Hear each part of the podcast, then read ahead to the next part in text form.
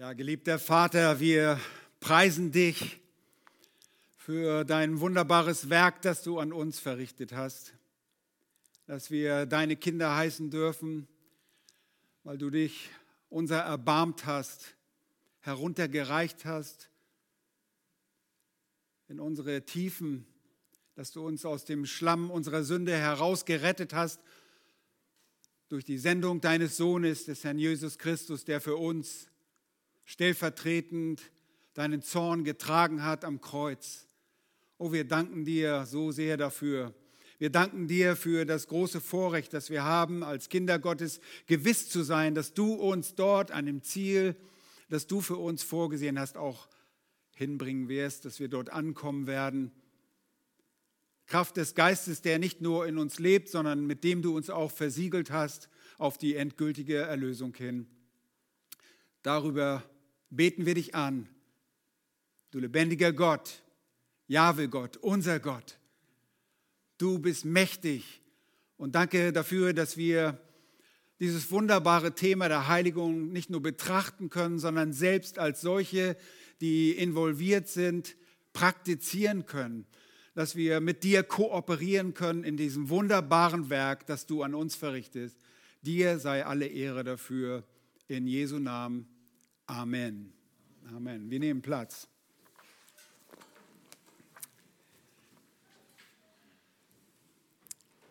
Es besteht kein Zweifel darüber, dass wir bis zu diesem Zeitpunkt ein, eine gute Zeit miteinander verbracht haben. Da ihr Kinder Gottes seid, weiß ich, was in eurem Herzen ist. Ihr liebt das Wort Gottes. Ihr wollt das Wort Gottes hören und ihr wollt auch zur Ehre Gottes leben. Nun, wenn wir an diesem Nachmittag das Thema die Mittel der Heiligung, nicht das Mittel, sondern die Mittel, plural, uns äh, vor Augen nehmen, dann ist das ein etwas einfacheres Thema, das ich versuche einfach zu erklären, damit wir in dieser Nachmittagsstunde, während unser Blut nicht mehr im Kopf, sondern im Bauch ist, auch folgen können. Äh, eine kurze Einleitung zu der Bedeutung der Heiligung. Ich weiß nicht, ob das hier weitergeht. Wie bei den Liederfolien so ähnlich, das ist immer mit Verzögerung ein wenig. Ja, die Bedeutung der Heiligung. Das Thema der Heiligung ist jeden, in jedem Teil der Heiligen Schrift zu finden. Und wir haben schon am Vormittag so viel darüber gelernt. Danke für eure Vorträge und die Mühe, die ihr euch gemacht habt. Wir haben sehr viel gelernt, die Mittel der Heiligung, genauer gesagt die Gnadenmittel der göttlichen Heiligung für das Kind Gottes. Das ist mein Thema, das ich in diesen wenigen Minuten, und wehe, sagt mir jemand, ich mache immer lange, ihr wisst nicht, was lange ist. Es ist wichtig, ein gutes Verständnis von der Heiligung zu haben, sie so sie zu verstehen, wie sie von der Schrift her zu verstehen ist, was sie Gott bedeutet und nicht zuletzt, wie sie geschieht. Nochmals, was ist Heiligung? Heilung ergibt sich aus dem Wesen Gottes, der inmitten der gefallenen Welt und seiner gefallenen Schöpfung heilig dasteht. Gott sagte, sehr deutlich zum Volk, und diesen Vers haben wir uns schon angeschaut, in 3. Mose 3, äh, 11, Vers 44, ich bin heilig, sagt Jahwe, euer Gott, darum sollt ihr euch heiligen und sollt heilig sein, denn ich bin heilig. Und das wird im Neuen Testament von Petrus aufgegriffen. Äh, wir wollen da nicht extra hingehen, aber das tut Petrus auch. Auch unter dem neuen Bund. Und da der Mensch von Natur aus nicht heilig ist, und somit auch nicht heilig leben kann, muss er erst durch Gott selbst geheiligt werden. Erst danach kann er sich im Zusammenwirken mit Gott heiligen. Und die Notwendigkeit der Heiligung besteht, um vor einem heiligen Gott bestehen und ihm gefallen zu können. Und heilig bedeutet einerseits und einfach gesprochen abgesondert oder einzigartig zu sein, wie Daniel uns das ganz deutlich vor Augen geführt hat. Seine Einzigartigkeit macht ihn heilig. Es gibt niemanden anderes wie den Herrn, wie unseren Gott. Er ist nicht zu vergleichen. Seine Schöpfung hebt sich von ihm ab. Das Heiligen und Heiligung ist dann ein Absondern von etwas, was wir nicht von uns aus können, sondern wir müssen zunächst in einen Zustand, in eine Stellung der Heiligung versetzt werden, damit wir uns selbst absondern können. Die Heiligung, die initiale, die bestimmte, die definitive Heiligung, die am Anfang eines Lebens eines Kindes Gottes steht, in dem wir gläubig werden, stellt den Anfang dar eines Heiligungslebens. Andererseits bedeutet Heiligung oder heilig zu sein auch makellos, rein zu sein. Und Heiligung ist der Prozess, rein zu werden. Beides ist Gott. Er ist heilig und er ist abgesondert. In perfekter Art und Weise unterscheidet er sich von allem, was existiert, von seiner ganzen Schöpfung. Er ist rein und alle seine Eigenschaften, sein ganzes Wesen sprechen von seiner Heiligkeit. Dieses ungetrübte und strahlende Heiligkeit stellt auch seine einzigartige Herrlichkeit dar. Nun ist es Gottes Wille, dass Menschen ihm gleichgestaltet werden. Es ist sein Wille, Menschen zu heiligen, damit sie sich ihm nähern können und seinen Maßstäben entsprechend leben und ihm dienen können. Und wofür? Zu seiner eigenen Ehre und seiner eigenen Verherrlichung. Das ist sein Ziel. Er macht es für sich. Den Thessalonichern schrieb Paulus deshalb, ihr wisst, welche Gebote wir euch gegeben haben im Auftrag des Herrn Jesus, denn das ist der Wille Gottes, eure Heiligung. Gott will es. Heilung, Heiligung ist somit die Zueignung der Erlösung. Und mit der Erlösung werden wir von Gott gesegnet. Wir erinnern nur an die Verse aus Epheser 1. Wir sind gesegnet mit jeder geistlichen äh, Segnung in den himmlischen Örtern. Das kommt von Gott. Die gehören in den Himmel, diese Segnungen, die wir jetzt schon uns aneignen können. Heiligung ist die Aneignung dieser Erlösung in unserem Leben hier auf der Erde. Heiligung ist, in der Heiligung zu leben, ist Segen zu wollen und ins Leben zu bringen weil Gott diesen Segen für uns vorgesehen hat. Sie ist die Zueignung der Erlösung, die mit der Wiedergeburt eines Menschen beginnt und dann als ein lebenslanger Prozess bestehen bleibt, bis hin zu dessen Vervollkommnung in der Verherrlichung. Auch der letzte Schritt der Verherrlichung ist ein Schritt, den Gott vornehmen muss. Bei dem Vorgang der Heiligung erweckt Gott zunächst einen Sünder zum Leben. Er nimmt ihn aus dem geistlichen Tod heraus, gibt ihm Glauben, er gibt ihm ewiges Leben. Und zwar sofort, durch den Glauben. Und daraufhin macht Gott den Gläubigen zunehmend mehr heilig, gestaltet ihn um. Und ihr wisst, was seine Vorlage ist dafür. Wen hat er vor Augen? Sein Sohn. Er schaut sich seinen Sohn an man muss er nicht machen, das weiß er schon, wie sein Sohn ist. Er ist genauso wie der Vater. Und das ist die Vorlage. Nur der Sohn wurde Mensch.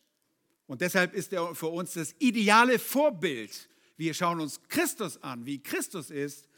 Und wir sollen umgestaltet werden in das Bild seines geliebten Sohnes Gottes. Er heiligt uns als Christen dahingehend, dass wir dem Herrn Jesus Christus charakterlich ähnlich werden. dass wir ihnen geistlich ähnlich werden. Und die Heiligung ist im Leben des Christen demnach Ereignis und Prozess. Beide Bestandteile sind ein übernatürliches Werk Gottes. Ein Mensch ohne Gott kann nicht heilig sein. Unmöglich. Es ist das Werk des Dreiein Gottes. wobei das Ergebnis oder das Ereignis der Heiligung vielmehr und das der Verherrlichung ohne Zutun von Menschen geschieht. Soll ich es nochmal sagen? Das Ereignis der Heiligung und das der Verherrlichung geschieht ohne Zutun von Menschen. Der Prozess hingegen geschieht durch das willige Mitwirken des zum Leben erweckten Gotteskindes. Es ist ein gewisser Synergismus, zusammen die Energien zusammenbringen, wobei eine Energie definitiv stärker ist als die andere, oder?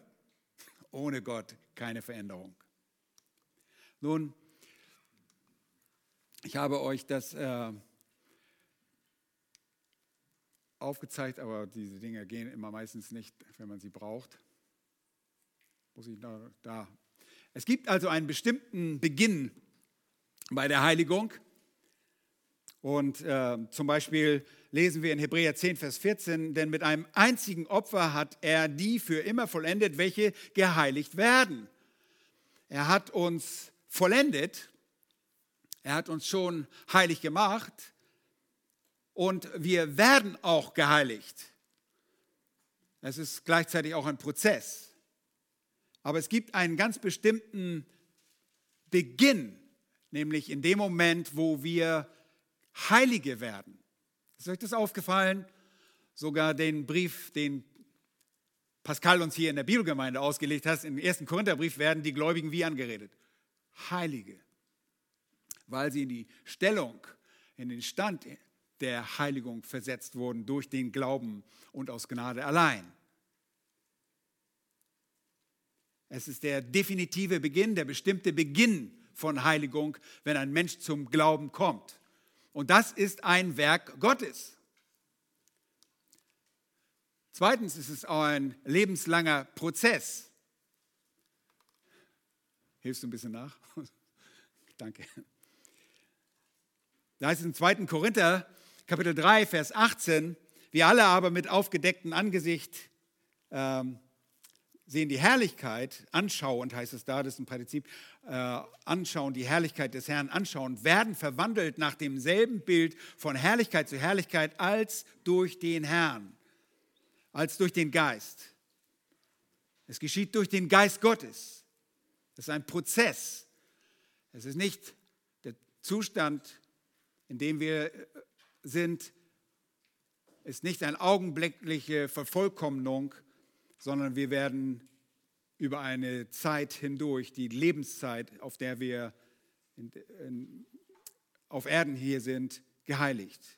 Und dann kommt es zu einem garantierten Abschluss der Heiligung. Das ist sehr wichtig. Ohne diesen letzten Punkt ist alles unnötig. Dieser Abschluss ist, dass wir verherrlicht werden. Und der Apostel Johannes schreibt im 1. Johannesbrief Kapitel 3 und Vers 2, Geliebte, wir sind jetzt Kinder Gottes. Und noch ist nicht offenbar geworden, was wir sein werden. Wir wissen aber, dass wir ihm gleichgestaltet sein werden, wenn er offenbar werden wird. Denn wir werden ihn sehen, wie er ist. Wir werden vollendet werden und Pascal hatte so schön darüber gesprochen, wie es in der Herrlichkeit sein wird. Das ist unser Ziel. Und jeder, der die Heiligung nicht liebt in diesem Leben, der möchte auch nicht in den Himmel. Der möchte nicht bei Gott sein. Die Garantie ist da, denn der Geist Gottes hat uns versiegelt, es unterfand auf die endgültige Erlösung und Vollendung. Nun habe ich euch das versucht, ein bisschen einmal grafisch darzustellen hat ja noch gefehlt bei dieser Tagung mal eine Grafik. Ähm, hier haben wir deinen Zustand, als du geboren wurdest. Hier ist deine Geburt. Und du jammerst hier unten irgendwie rum von einem Trinkerlage oder von irgendeiner moralisch hochstehenden Aktion hoch und runter und fühlt sich gut und fühlt sich schlecht. Aber du bist geistlich tot, du bist versklavt in deiner Sünde. Du bist geistlich tot und du bist unheilig. So sieht Gott dich. Und selbst wenn du dich heilig fühlst, bist du immer noch unheilig. Und es braucht etwas, damit du in den Zustand, in die Stellung vielmehr, in die Position der Heiligung versetzt wird. Du musst reagieren auf etwas, nämlich auf das Wort Gottes. Du musst das annehmen, was er sagt über deine Errettung. Und das führt dich zur Wiedergeburt, beziehungsweise die menschliche Seite ist die Bekehrung. Und dann werden wir gerechtfertigt. Das Gerichtssprache, wir werden gerecht erklärt. Wir lieben das. Gerecht erklärt ist toll. Da müssen wir nicht mal gerecht sein, nicht mal vollkommen gerecht sein. Das sind wir nämlich nicht. Aber wir werden gerecht erklärt, Gerichtssprache. Und in diesem Akt des Glaubens, wir glauben nämlich an das Erlösungswerk unseres Herrn Jesus Christus, werden wir gerechtfertigt und werden heilig gemacht. Und jetzt sind wir in einem Zustand der Heiligkeit, einer Stellung vielmehr, einer Position. Der Zustand ist noch nicht sehr heilig. Die Stellung und die Position ist, dass wir Heilige sind. Die Schrift spricht die Gläubigen als Heilige an. Ja, das hat nichts zu tun, dass wir irgendwo einen Heiligenschein über uns haben, sondern wir sind einfach von Gott als Heilige angesehen. Denn wir, wir tragen die Gerechtigkeit unseres Herrn Jesus Christus, an den wir geglaubt und glauben. Und diese Gerechtigkeit wird uns durch den Glauben zugeschrieben. Und nun sind wir als Unbelehrte unterwegs zunächst einmal und denken, oh, wir, sind, wir sind gerettet, wir sind angekommen. Oh, wir sind noch lange nicht angekommen. Und dann stellen wir fest in unserem Leben, oh, das geht mal bergauf, komme gerade von der Freizeit wieder, oh, bin begeistert, oh, ich, ich werde die Welt verändern für den Herrn und mir geht es hoch und runter. Und dann komme ich nach Hause von der Freizeit und merke, oh, oh, ich war meinen Eltern gar nicht gehorsam. Hm, schreck lass nach.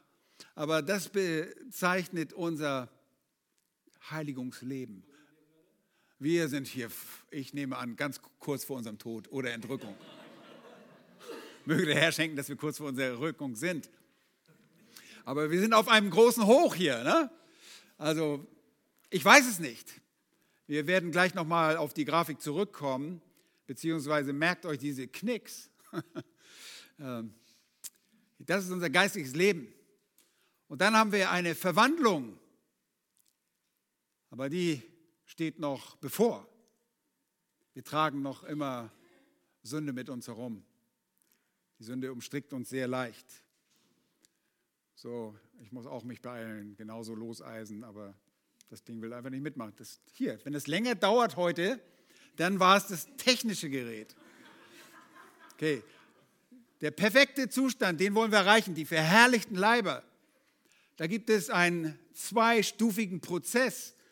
Äh, beim physischen Tod werden wir augenblicklich beim Herrn sein, verherrlicht sein, aber wir werden noch keine verherrlichten Leiber haben. Deshalb ist diese Linie ein bisschen, ein bisschen so, nicht ganz geradlinig, sondern ein bisschen nach vorne ge, gelehnt. Also die verherrlichten Leiber bekommen wir wann? Bei der Entrückung beziehungsweise Auferstehung aus den Toten. Und die alttestamentlichen Heiligen zu Beginn des Millenniums, wenn sie auferstehen werden, gibt es verherrlichte Leiber. Okay? Das ist es einfach grafisch dargestellt. Nun gibt es eine göttliche Seite der Heiligung und das habe ich euch schon gesagt. Ähm, da heißt es in 1. Thessalonicher 5, Vers 23, er selbst aber, äh, sagt Paulus dort, der Gott des Friedens heilige euch durch und durch. Und euer ganzes Wesen, der Geist, die Seele und der Leib möge untadelig bewahrt werden bei der Wiederkunft unseres Herrn Jesus Christus. Und dabei beobachten wir in der Schrift, dass so wie bei der Berufung und der Rettung eines Sünders jede Person unseres dreieinen Gottes wirkt, so auch in dem Prozess der Heiligung. In der Erlösung, wir gehen zu Epheser 1 und sehen jede Person der Gottheit in unserer Lösung aktiv und beteiligt. Und so auch in der Heiligung. Wir werden durch einen dreieinen Gott geheiligt. Heiligung durch den Vater. Woher wissen wir das? Jesus bittet selbst seinen Vater. Johannes 17, Vers 17. Bittete sein Vater, sie Jünger zu heiligen, oder? Heilige sie. Wie heißt es da? Wer weiß das? So ist es. Durch das Wort. Das werden wir gleich auch noch anschauen. Das ist nämlich ein Mittel. Und dann sehen wir, dass der, nicht nur der Vater, sondern auch der Sohn heiligt. Die Person des Herrn Jesus Christus. Ohne ihn wäre eine Heiligung überhaupt nicht möglich. Er schafft überhaupt erst die Möglichkeit durch sein, das Vergießen seines Blutes für uns, für den, durch den stellvertretenden Tod für uns, schafft er die Grundlage für die Heiligung. Und dann sehen wir wahrscheinlich den primär äh, beschäftigten Heiligen Geist, der für uns arbeitet, der für uns sich einsetzt. Die Person der Gottheit, die primär mit unserer Heiligung zu tun hat, ist der Heilige Geist. Er produziert und wirkt in uns die Veränderung, wenn wir gemäß der Schrift mit den Worten der Schrift kooperieren. Und vielleicht dazu, wenn ihr es aufschreiben wollt, Römer 8, 12 bis 14 und auch haben wir das gerade gesehen, 2. Korinther 3, Vers 18. Die Heiligung, vergessen wir das nie, die in uns geschieht, ist primär ein übernatürliches Werk des Dreieinen Gottes. Keine Heiligung ohne Gottes Macht in unserem Leben. Nun gibt es auch eine menschliche Seite. Und diese menschliche Seite ist zum einen die Aneignung die biblische Aneignung des göttlichen Segens. Das, was uns Gott gegeben hat, das eignen wir uns an. Und wie das gleich geschieht, das erkläre ich uns gleich. Zweitens ist da das willige Mitwirken des Gotteskindes im Werk Gottes. Das ist die menschliche Seite. Es ist nicht so, oh, okay, lass mal Gott machen. Hier steht, er heiligt. Er wird mich schon irgendwie heiligen. Ich lege mich zurück in meinen Schaukelstuhl auf Kreta und werde mich äh, heiligen lassen, weil Gott wird das schon irgendwie machen. Nein, das Kind Gottes ist dadurch gekennzeichnet, dass es willig mitwirkt in dem Werk des Dreiein Gottes. Und damit komme ich zur, ähm, zu dem zweiten Punkt die, oder dem eigentlichen Punkt, die Mittel der Heiligung. Und ich weiß, ihr wünscht euch das auch alle. Äh, das erste Mittel ist selbstverständlich was? Das Wort Gottes. Das Wort Gottes. Woher wissen wir das? Gott hat dieses Wort eingesetzt, damit wir überhaupt zum Glauben gekommen sind. Wir sind wiedergeboren durch das Wort Gottes, durch das Wort der Wahrheit. Wir sind zur Erkenntnis der Wahrheit gekommen. Was ist die Wahrheit? Das Wort Gottes. Jakobus 1, Vers 18 als Beispiel. Aber auch in dem Psalm sehen wir das im Psalm 19, Vers 8, wo das Gesetz uns erquickt und dass das Wort wir, äh, wiederhergestellt wird. Er stellt die Seele wieder her. Wir kommen durch das Gesetz, im Alten Testament kamen Menschen durch das Gesetz zum Glauben, indem sie zu Gott geschaut haben und gesehen haben, wer Gott ist. Er hat sich dort geoffenbart und sie haben über diesem Gesetz gesehen, wer Gott ist. Nun, wir sind geheiligt worden durch das Wort. Und dieses Wort bringt uns zum Glauben. Wir lesen in diesem Wort und werden überführt durch den Heiligen Geist, dass das, was wir lesen, die Wahrheit ist, über unsere Errettung, über unsere Sünde. Wir erkennen, wer wir sind vor Gott. Wir beugen unsere Knie. Warum? Weil Gott uns Gnade schenkt zur Buße. Es ist seine Güte, die uns zur Buße führt. Wir tun Buße und kommen zu einer Entscheidung. Warum entscheiden wir uns? Weil Gott Gnade dazu gibt, dass wir uns entscheiden können. Er begnadigt uns dazu. Wir werden zu Heiligen, die dann weiterhin durch das Wort Gottes geheiligt werden. Das heißt, jetzt verändert werden, umgestaltet werden in das Bild seines lieben Sohnes.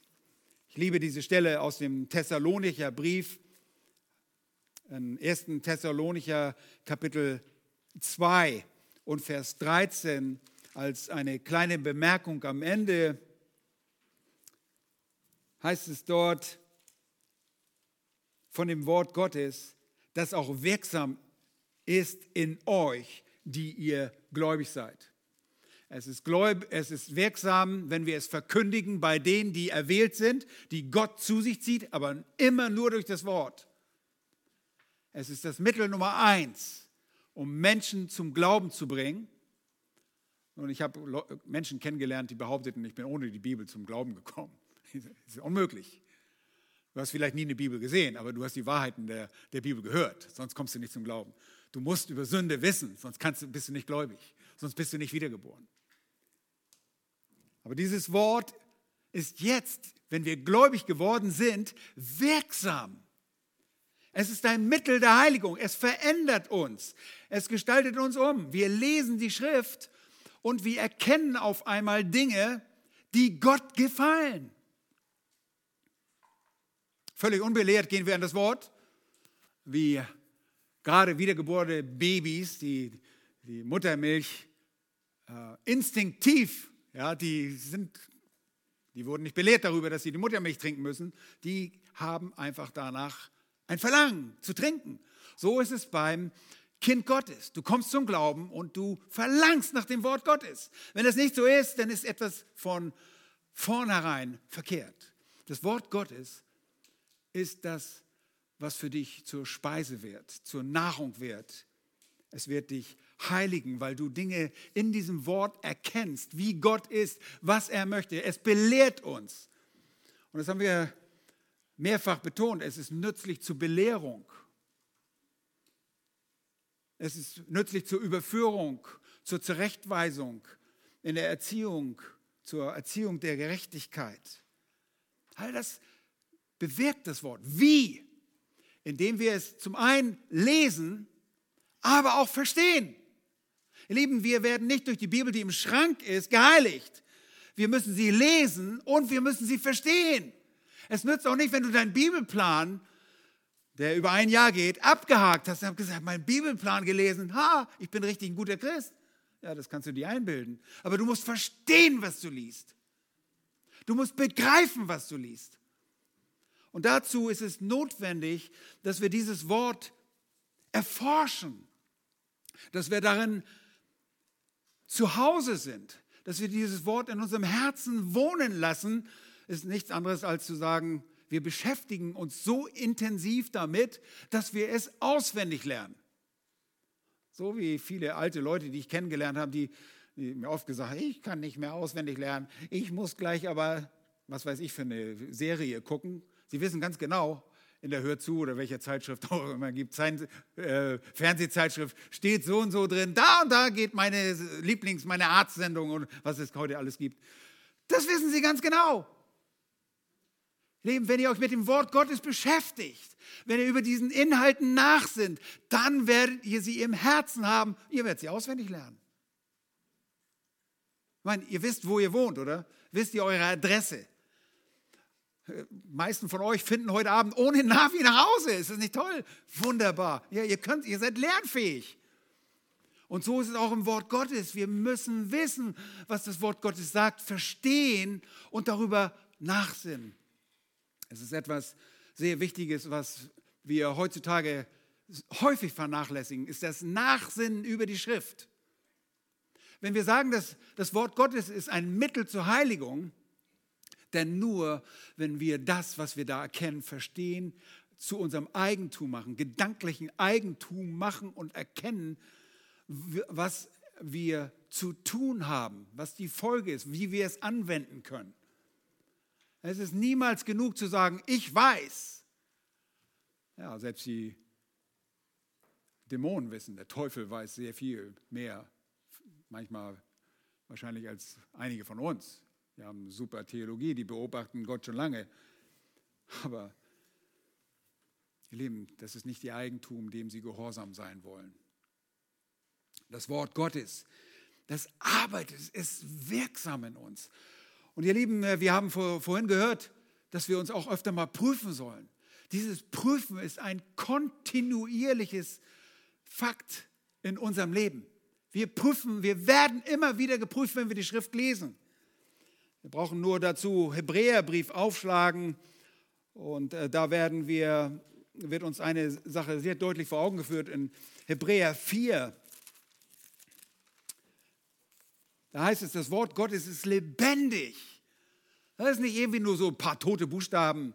Es ist wirksam und schärfer als jedes zweischneidige Schwert. Es dringt durch, bis es scheidet, sowohl Seele als auch Geist, sowohl Mark als auch Bein. Und es ist ein, hört mal zu, ein Richter der Gedanken und Gesinnung des Herzens. Wisst ihr was, wir, wir kennen manchmal unsere eigenen Motive nicht. Und du liest in der Bibel und dann sagst, oh mein Gute, mein Motiv ist völlig verkehrt. Auf einmal deckt es das auf, was in deinem Herzen ist. Und das kann niemand machen, das kannst du nicht selber. Ich sage, jetzt prüfe ich mich, jetzt werde ich mal sehen, bin ich ein guter Christ, habe ich das und das getan. Das, das kommt, indem du das Wort Gottes liest. Das Wort Gottes zeigt dir auf, wo du dich wirklich befindest. Und manchmal denkst du sehr hoch von dir selbst, bis du in die Bibel gehst. Und dann liest du, eine, oh meine Güte, ich bin doch niemand. Das Wort Gottes ist nicht wegzudenken. Wir können nicht geheiligt werden, wir können nicht umgestaltet werden ohne das Wort Gottes. Und dieses Wort Gottes hat eine übernatürliche Kraft. Und Gott fragt einmal, ist nicht mein Wort wie ein Feuer und wie ein Hammer, das Felsen zerschmettert? Das ist noch mächtiger. Es verändert das menschliche Herz. Und das kann nur Gott. Und das überlässt er niemand anders. Das macht er durch sein Wort. Er spricht ein Wort und es geschieht. So mächtig ist es, dass die ganze Schöpfung durch Worte gesprochen hat. Gott sprach und es war da. So mächtig ist sein Wort. Gott sprach und es geschah. Und so ist es auch, wenn du die Bibel liest. Ein Wort kann in deinem Leben alles ändern. Aber wenn ich dir sage, hey, du solltest das und das nicht tun, das ist nicht gut, wenn du das tust, das ist, das ist, äh, das ist ein Anstoß. Nein. Aber wenn du es im Wort Gottes selbst liest, das hat Kraft. Deshalb, als Jesus kam und lehrte, jedes Wort, das er sprach, weil er Gott war und Gott ist, ist Gottes Wort. Und das haben die Juden sofort gemerkt. Der sprach wie einer mit Autorität. Nicht wie die Pharisäer, die die Traditionen verkündigt haben. Er sprach nur das Wort Gottes. Und dieses Wort brauchen wir in der Heiligung und in dem Mitwirken setzen wir uns willig diesem Wort aus. Wir lernen es sogar auswendig. Und ich bin ein Unterstützer von Wort im Herzen. Bibelverse auswendig lernen. Nicht damit ihr angeben könnt und sagen, ich habe schon 300, sondern dass dieses Wort von euch, dass es euch ergreift so wie der Psalmist sagt, dass ihr nicht wieder ihn sündigt. Das ist Heiligung. Warum wollen wir nicht gegen wieder ihn sündigen? Weil es Gott missfällt. Es ehrt Gott nicht. Und so ist es Lesen und das Aufnehmen der Schrift, das Verarbeiten der Schrift in unserem Leben, das darüber nachsinnen. Nehmt euch Zeit, darüber nachzusinnen. Wir können sehr schnell Dinge lesen und husch, husch, husch und sind durch und haben nichts verstanden. Sinnt darüber nach. Nehmt euch Zeit, darüber nachzudenken. Nun, das Wort Gottes ist ein wesentlicher Faktor, die Verinnerlichung und das auswendige Lernen. Und was ist die logische Reaktion auf das Reden Gottes? Zweitens,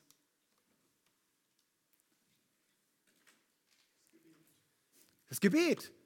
Gott redet mit uns, wir reagieren auf sein Reden. Wir treten in Kommunikation mit Gott. Wir haben eine Beziehung zu ihm. Eine Liebesbeziehung zu ihm. Wir haben erkannt, er hat uns zuerst geliebt und jetzt lieben wir ihn. Und wir suchen ihn auf, um mit ihm zu reden. Das Gebet ist ein Mittel der Heiligung.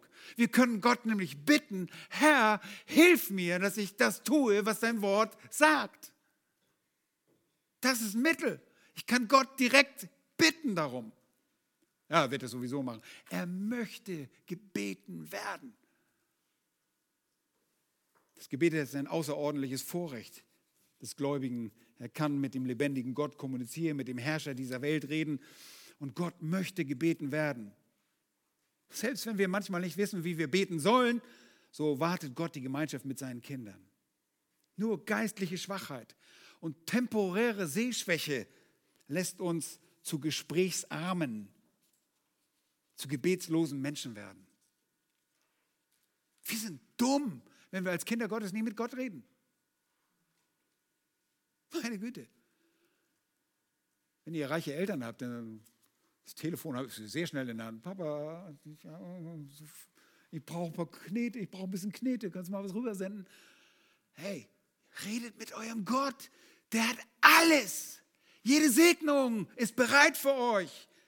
Bittet ihn darum und er wird nicht zurückhalten. Lukas 11 sagt er, bittet, so wird euch gegeben, sucht, so werdet ihr finden, klopft an, so wird euch aufgetan. Denn jeder, der bittet, empfängt und wer sucht, der findet und wer anklopft, dem wird aufgetan. Nun, ihr wisst schon, dass diese Gebete im Einklang mit dem Willen Gottes stehen müssen und dass das keine Garantie für einen Jaguar vor deiner Tür ist. Wenn wir entsprechend dem Willen Gottes beten, dann wird Jesus handeln, wird unser Herr antworten. Das ist eine große Verheißung. Also lasst uns lernen, was der Wille Gottes ist, damit wir recht beten können. Diese Kommunikation ist ein Zweiweg, ist nicht eine Einbahnstraße. Ja, wir lesen nicht nur die Bibel und sagen, oh, alles gut, Gott redet immer mit mir. Und du antwortest ihm nicht. Du dankst ihm, du preist ihn, du lobst ihn, du bist begeistert von ihm. Und das wird dich heiligen. Das wird dich weiterbringen in deinem Glaubensleben, weil du auf einmal kennst, ha, ich habe jemanden, der mir hilft. Ich schaffe das allein gar nicht. Und da kommt das dritte Heiligungsmittel, das ist der Glaube. Nur mit dem geschenkten Glauben an Gott beginnt die bestimmte anfängliche und stellungsbezogene Heiligung. Der Glaube an unseren Gott und seinen Erlösungswert heiligt uns und versetzt uns in die Position der Heiligen. Und fortan beginnt der Prozess der Heiligung, der Glaubenskampf, ganz recht. Wer im Glaubensleben siegen will, muss kämpfen, so zeigt es uns der Schreiber des Hebräerbriefes in Kapitel 12 auf nachdem er in Kapitel 11 was gemacht hat, die Glaubenshelden aufgezeigt hat. Und er sagt, weil ihr so viele Glauben habt, Zeugen um euch habt, ich lese Hebräer 12, 1, da ihr nun eine Wolke von Zeugen, das sind die Glaubenshelden, um uns haben, so lasst uns jede Last ablegen und die Sünde, die uns so leicht umstreckt. Lasst uns mit Ausdauer laufen in dem Kampf, der vor uns liegt. Wir glauben. Wir glauben, dass das, was andere vor uns erfahren hat, auch wir erfahren können. Dass wir uns absondern können für Gott durch den Glauben. Glaubst du Gott, was Gott sagt? Dann kannst du alles tun, kannst du alles erreichen. Ohne Glauben keine Heiligung. Unsere Rechtfertigung setzt den Fortgang der Heiligung in Gang. Der Glaube ist das Vertrauen in Gott, der Ausdruck unserer Hoffnung und wirkt zum Wohlgefallen seines Gebers. Hebräer 11 macht es auch sehr deutlich, dass wir Gott nicht mal gefallen können, wenn wir keinen Glauben haben. Und wir sehen dort Vers 6, ohne Glauben ist es unmöglich, ihm wohl zu gefallen, denn wer zu Gott kommt, muss glauben, dass er ist und dass er die belohnen wird, die ihn suchen. Nun, Ich hoffe, das ist deutlich, dass wir durch das Wort, das Gebet und durch den Glauben vorankommen. Aber wie sieht es mit unserem Glauben wirklich aus? Sind wir nicht oft genau wie die Jünger im Sturm im See Genezareth? und müssen hören, was seid ihr so furchtsam, ihr Kleingläubigen? Wisst ihr, durch unseren kleinen Glauben entehren wir Gott. Und deshalb gibt es ein weiteres Mittel zur, zur Heiligung und das ist die Reinigung. Und ihr erinnert euch an die Grafik mit dem Hoch und Runter. Und selbst als Christ fallen wir in Sünde. Wir glauben Gott nicht. Wir fangen an zu zweifeln. Und wir sind keine permanenten Zweifler. Jakobusbrief macht deutlich, dass das keine Kinder Gottes sind. Permanente Zweifler kriegen nichts, gefallen Gott gar nicht. Die würde ausspeien. Die müssen Buße tun und grundsätzlich umkehren und zum Glauben kommen. Aber wenn du gezweifelt hast, dann musst du dich reinigen. Wie oft? Einmal im Jahr. Leben, ich muss mich täglich reinigen. Denn ich versage in meinem Glauben. Nicht nur, dass ich mich äh, durch irgendwelche Übertretungen auszeichne, sondern auch Unterlassung. Manchmal versage ich, versäume ich Dinge zu tun, die ich hätte tun sollen. Ich weiß genau, dies sollte ich jetzt tun. Oh, nicht jetzt, bloß nicht jetzt, schnell weg. Oft sind mir Dinge nicht mal bewusst. Ich muss mich ständig reinigen. Und so ist es ganz logisch, dass wir als Kinder Gottes sein wollen, wie er rein ist. Johannes schreibt in seinem ersten Brief an, äh, in Kapitel 3, Vers 3, jeder, der die Hoffnung auf ihn hat, nämlich die Hoffnung, dass wir mit ihm offenbar werden werden, da heißt es in Vers 2, Geliebte, wir sind jetzt Kinder Gottes, ich habe schon gelesen, noch ist es nicht offenbar geworden, was wir sein werden. Wir wissen aber, dass wir ihm gleichgestaltet werden, wenn er offenbar werden wird. Denn wir werden ihn sehen, wie er ist. Und jetzt sagt er, jeder, der diese Hoffnung auf ihn hat, reinigt sich, gleich wie auch er rein ist.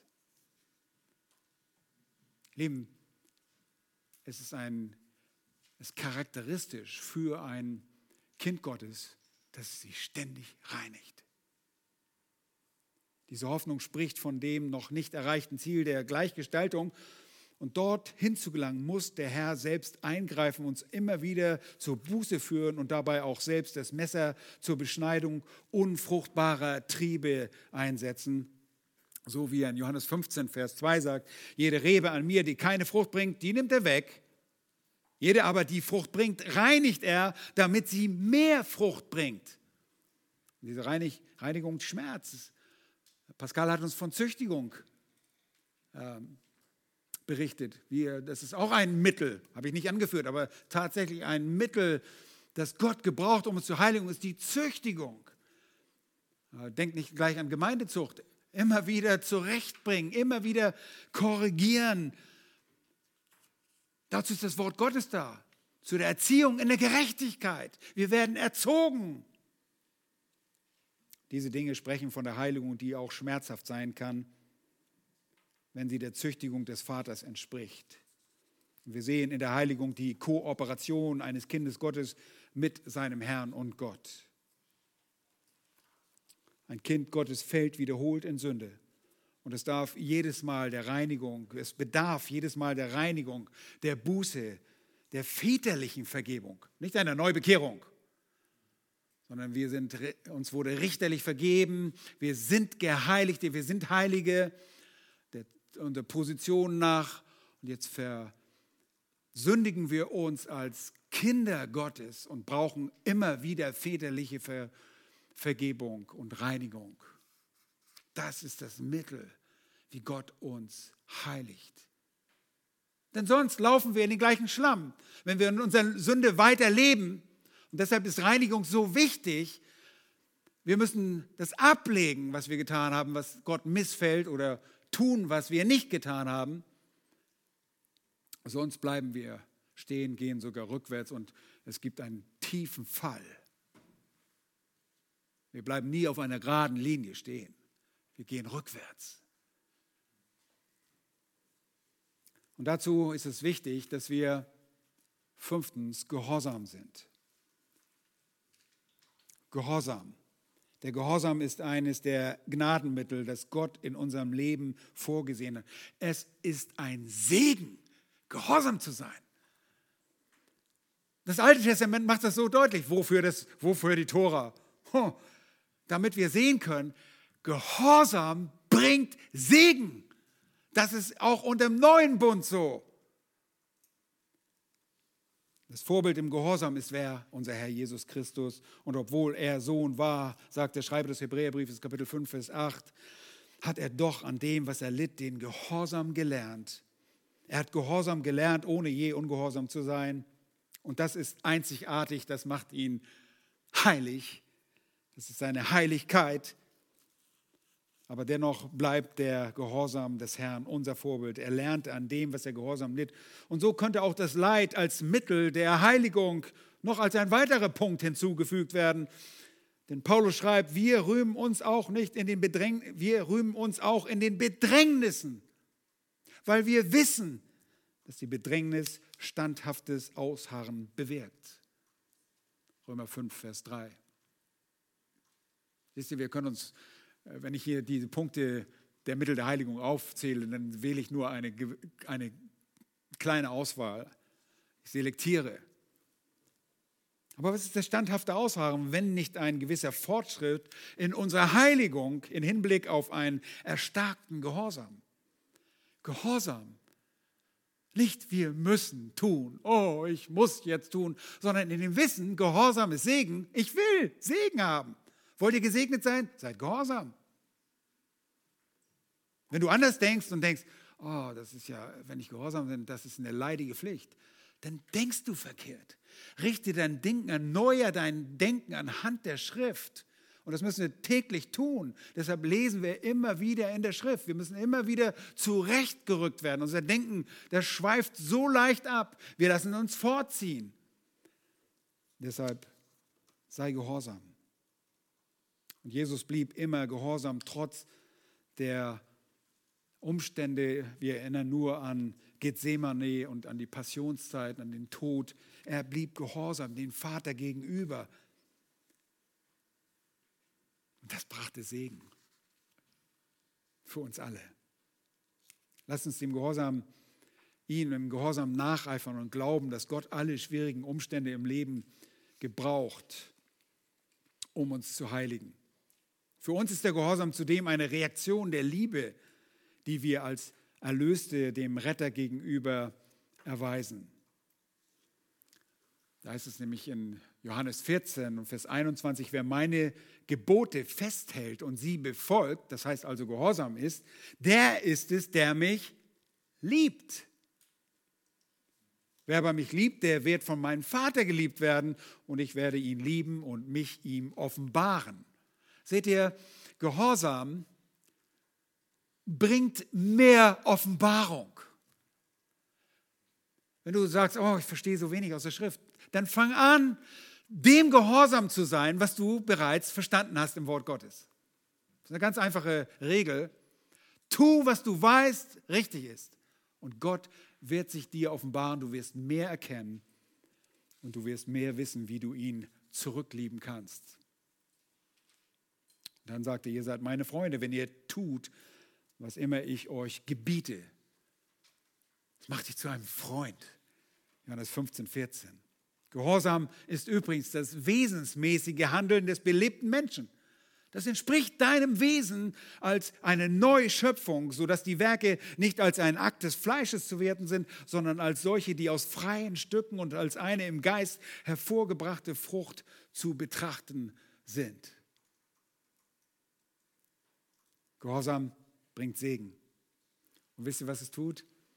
Es produziert eine motivierende Freude, die wiederum die Heiligung fördert. Wer möchte nicht im Segen stehen, ihm gefallen und gleichzeitig Freude dabei erleben? Gehorsam sieht auch auf die zu erwartende Freude.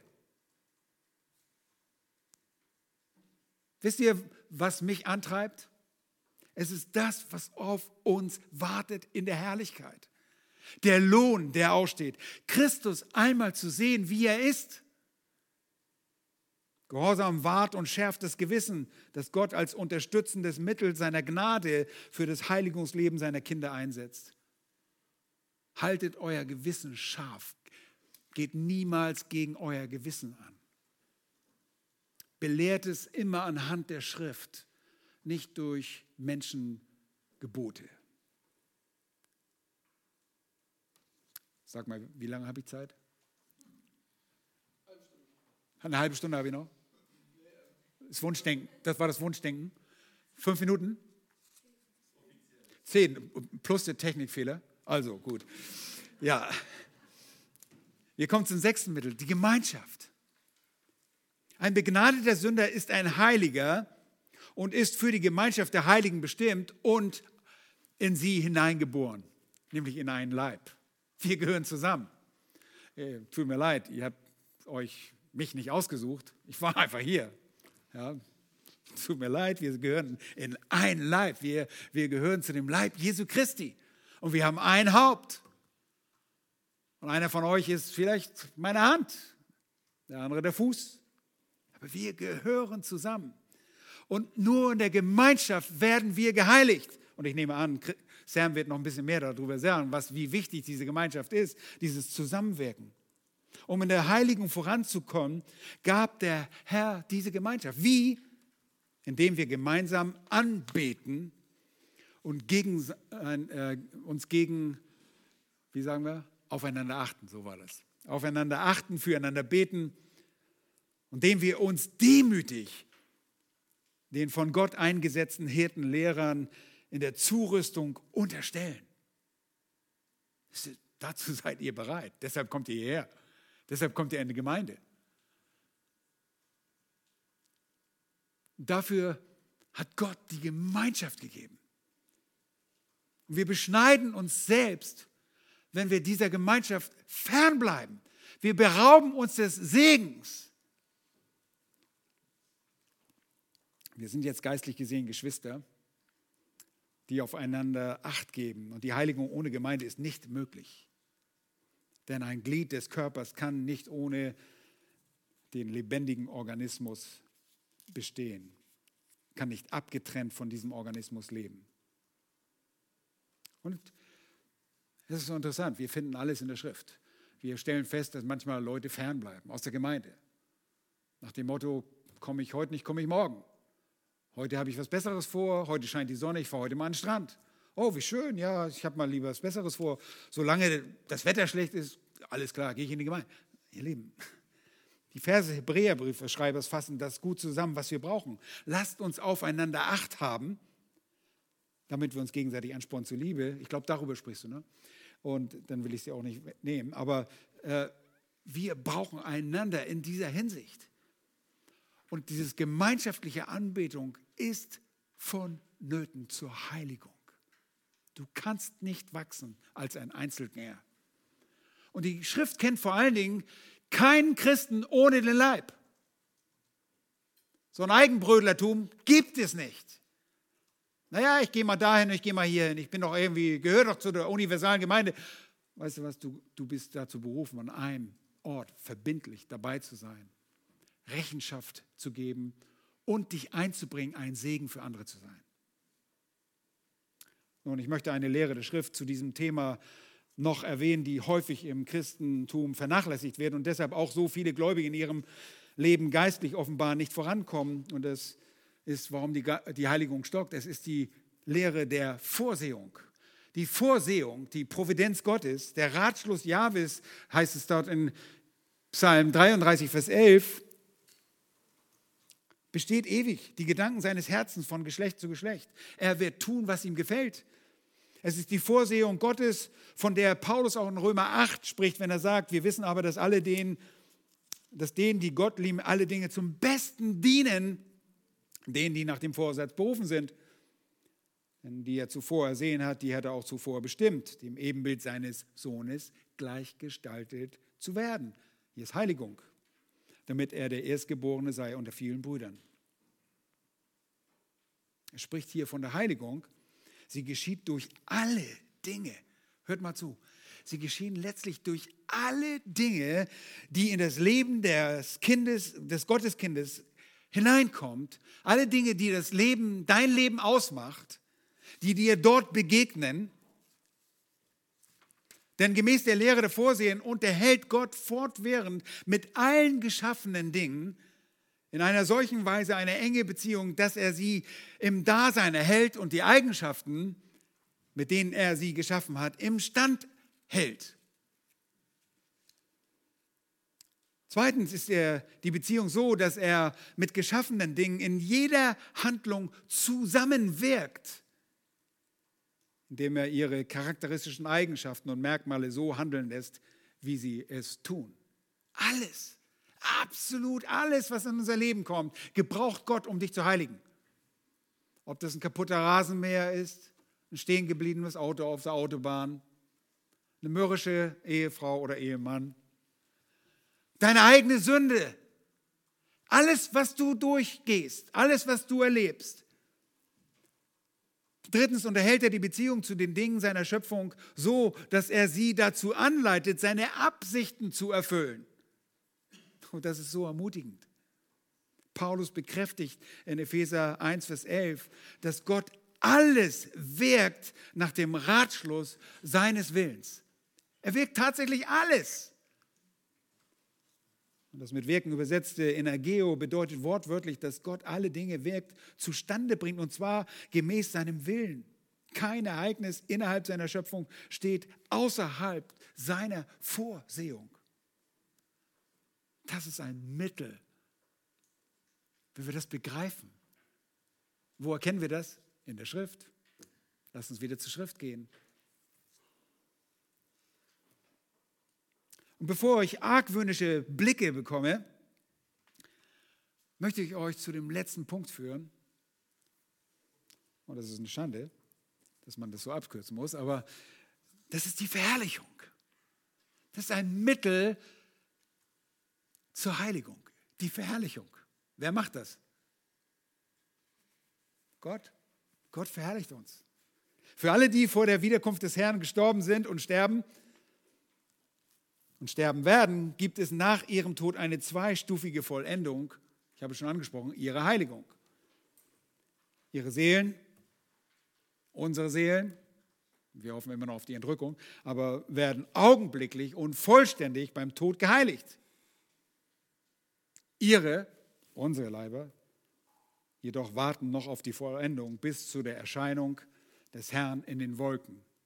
Und das ist für die Toten in Christus so, dass es die Entrückung ist und das ist für die alttestamentlichen Heiligen so, bis zur Erscheinung seiner Rückkehr in den Wolken bei Jahwes Rückkehr auf dem Ölberg. Es ist Jahwes Rückkehr auf den Ölberg. Sacharja 14. Dort werden dann zu Beginn des tausendjährigen Reiches die alttestamentlichen Heiligen auferstehen und verherrlichte Leibe erhalten. Und Paulus schreibt von der zweiten Stufe der leiblichen Vollendung treffend in Philippa 3, unser Bürgerrecht aber ist im Himmel. Und Vers 20 dort, von wo wir auch den Herrn Jesus erwarten als den Retter, der unseren Leib der Nichtigkeit umgestalten wird, sodass er gleichförmig wird seinem Leib der Herrlichkeit. Vermöge der Kraft, durch die er sich selbst auch alles unterwerfen kann.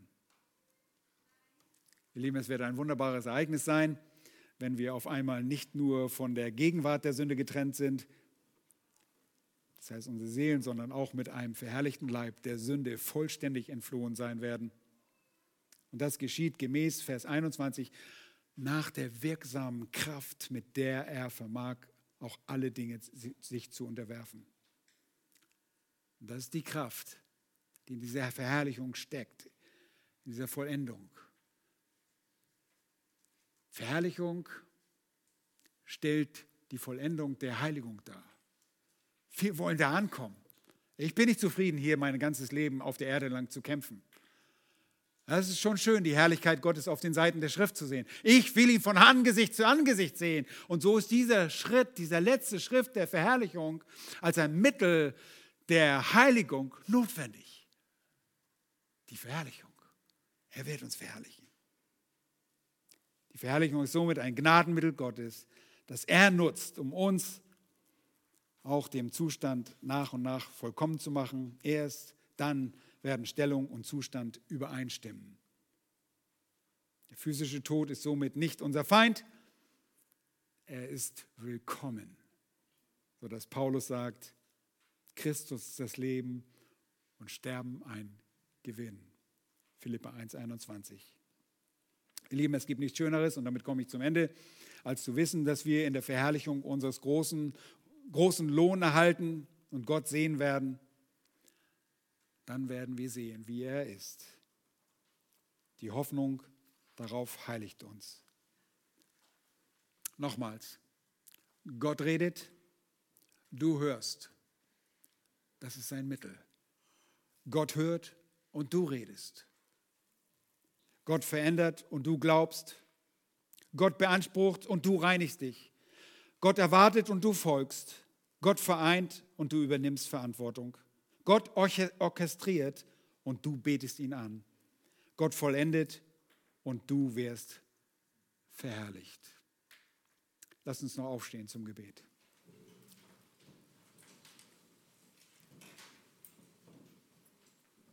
Geliebter Herr, wir danken dir für dein wunderbares Werk an uns. Wir können das nicht mal fassen. Wir sind so in dieser Welt verstrickt, dass wir nicht mal diese geistlichen Wahrheiten richtig verinnerlichen können. Sonst würden wir nur jubelnd und triumphierend durch diese Welt laufen. Möge das der Fall sein, indem wir uns neu stärken anhand deines Wortes Möge dein Wort mächtig an uns werken und wirken. Und dass wir verändert werden, denn wir wollen sein, wie du bist, Herr Jesus Christus. Das ist unser Wunsch. Und so mach du uns auch bereit, alles genauso zu erdulden und zu erleiden, wie du gelitten hast.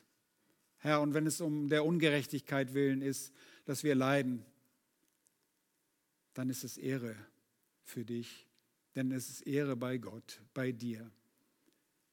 Hilf uns, diese Perspektive zu haben, dir nachzueifern, auf dich zu sehen, den Anfänger und Vollender des Glaubens, derjenige, der den Glauben voll ausgeprägt hat und uns bewiesen hat, was es heißt zu glauben, als du in der Todesstunde gesprochen hast, es ist vollbracht. Danke dafür, dass du an uns arbeitest. Danke, dass du uns immer wieder zur Buße führst, dass du uns Glauben schenkst dass du unseren Glauben mehrst, dass wir im Kampf gegen die Fürstentümer und Gewalten bestehen können durch den Glauben, dass wir alle feurigen Pfeile des Feindes auslöschen können, indem wir dir einfach glauben. Heilige uns durch dein Wort. Dein Wort ist die Wahrheit und wir danken dir von Herzen dafür.